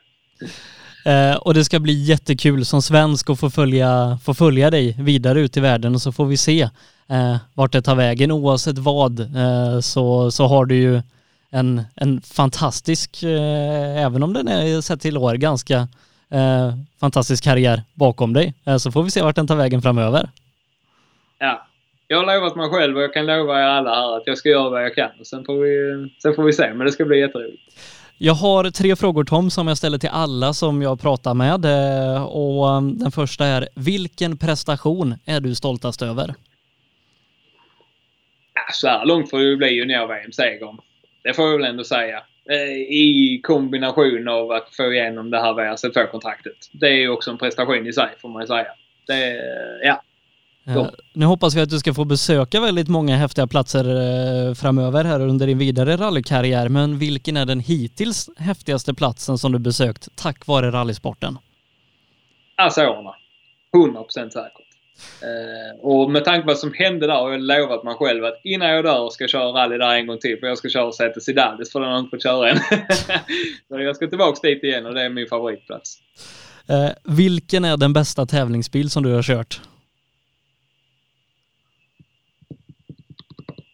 Ja, det är den bästa. 240 Wok. Ja, helt klart ju. Ja. Gärna med förgasarmotorn också. Det är riktigt fint. Nej, skämt åsido, det får ju vara den här, eh, det får ju faktiskt vara den här Ford Fiesta R5 för att eh, den är ju trots allt lite, lite bättre, eller mycket bättre än, än Rally 3 Fiestan. För att annars har det varit den. För att det är ju ändå den mest utvecklade bilen jag har fått chans att köra. Eh, så att jag har ju testat den en Citroën eh, Rally 2-bil här uppe i Emmaboda danskarna kommer och visa det också. Körde på en sån här liten slalombana bara. Så det gav inte så mycket. Man kunde ändå känna prestanda så att någonstans där. Den, den eh, provturen i Citroën Rally 2 eller eh, provkörning nu i en R5-bil. För din egna eh, Rally 2-bil har du inte kört än? Nej, det har jag inte. Jag har faktiskt inte ens startat den än. Eh, jag har suttit i den nu. Det, det missade jag faktiskt i Monza. Det talar lite för hur långt borta i min hjärna jag var då. Eh, men eh, nu har jag fått chans att, att sitta i den i alla fall. Och, och Måndag-test kan jag avslöja. Så långt ska vi göra med bilen. Så då blir det första, jag tror det är den 19 där ja, i Kroatien. Då kommer vi köra första testet med bilen. Kommer vi göra. Eh, du Tom, det har varit jätteroligt att, att få, få prata med dig och gå igenom din eh, som sagt fantastiska karriär som, eh, som hittills då lett fram till ett, ett VM-guld och ett fabrikskontrakt, eller två fabrikskontrakt till och med. Så får vi se vart det tar vägen och jag ser fram emot att, att prata med dig om ett par år igen kanske och så ser vi vart, vart vi tar det vidare från här. Förhoppningsvis lite längre. Eh, som alltid jättekul att prata med dig Tom och jag hoppas innerligt att vi, vi ses på många rallytävlingar här under året. Så får du ha det riktigt bra och ta hand om dig så, och lycka till med allting. Tack så hemskt mycket. Jätteroligt att få vara med och jag säger än en gång stort tack till alla som följer och eh, ja, snart kommer det fler nyheter. Tack det, så hemskt mycket. Ha en fin kväll. Hej då. Detsamma. Hej. Ja, mina damer och herrar, där pratade vi som sagt med den regerande juniorvärldsmästaren i rally, Tom Kristensson. Eh, fantastisk karriär eh, på väldigt kort tid, från Volvo original till fabrikskontrakt i VRC2. Oerhört roligt och vi hoppas att det ska gå riktigt bra för Tom nu när han tar nästa steg. Innan jag avslutar vill jag säga att vi fortsatt säljer sådana här Fuck Cancer-dekaler. Du köper två stycken sådana här för 375 kronor. Eh, då stöttar du kampen mot cancer samtidigt som du också får massa exklusiva poddar, intervjuer, reportage och liknande som vi precis gjorde med Tom, men som man bara får om man köper sådana här dekaler. Två stycken för 375 kronor. Du swishar det till 0763 57 12 28. Märk meddelandet med vilken färg du vill ha, om du vill ha guld, eh, om du vill ha vit eller orange och så skriver du med din adress så skickar vi det på posten så fort vi kan. Eh, gör det och stötta kampen mot cancer eh, som jag vet att Tom också är med och gör. Han har ju cancerloggan på sin overall bland annat. Nästa vecka har vi en stor gäst, även han världsmästare eh, tre gånger. En gång i rally, två i rallycross. Ni kan nog gissa vem det är. Nästa vecka, Petter Solberg är våran gäst. Missa inte det. Fram tills dess tackar jag Sebastian Borgert för visat intresse och säger på återhörande. Hankook Tire. MP5 Sweden. Vi erbjuder tjänster inom prototyptillverkning, fixturtillverkning, produktion och smide. På hemsidan mp5sweden.se kan du läsa mer om oss och vår verksamhet. Nybe AB. Med bas i Småland är vi verksamma i södra Sverige med byggentreprenad för såväl stora som små projekt, för industrier, större fastigheter och villor. Tillsammans erbjuder kompetens inom byggnation, projektledning, planering, VVS, plåtslageri och kringtjänster som till exempel leverans med kranbil. Vi har även ett komplett byggvaruhus i Eneryda. Nybe är totalentreprenör som kvalitetssäkrar ditt projekt från idé till verklighet. Läs mer på nybab.se. Girvelius Store, en butik med stort utbud. Vi har det mesta från heminredning och accessoarer till jakt och fiskeutrustning. Vi är dessutom Swedol-partner. Besök vår butik på Vallgatan 45 i Fjugestad eller vår webbshop girvelius.com.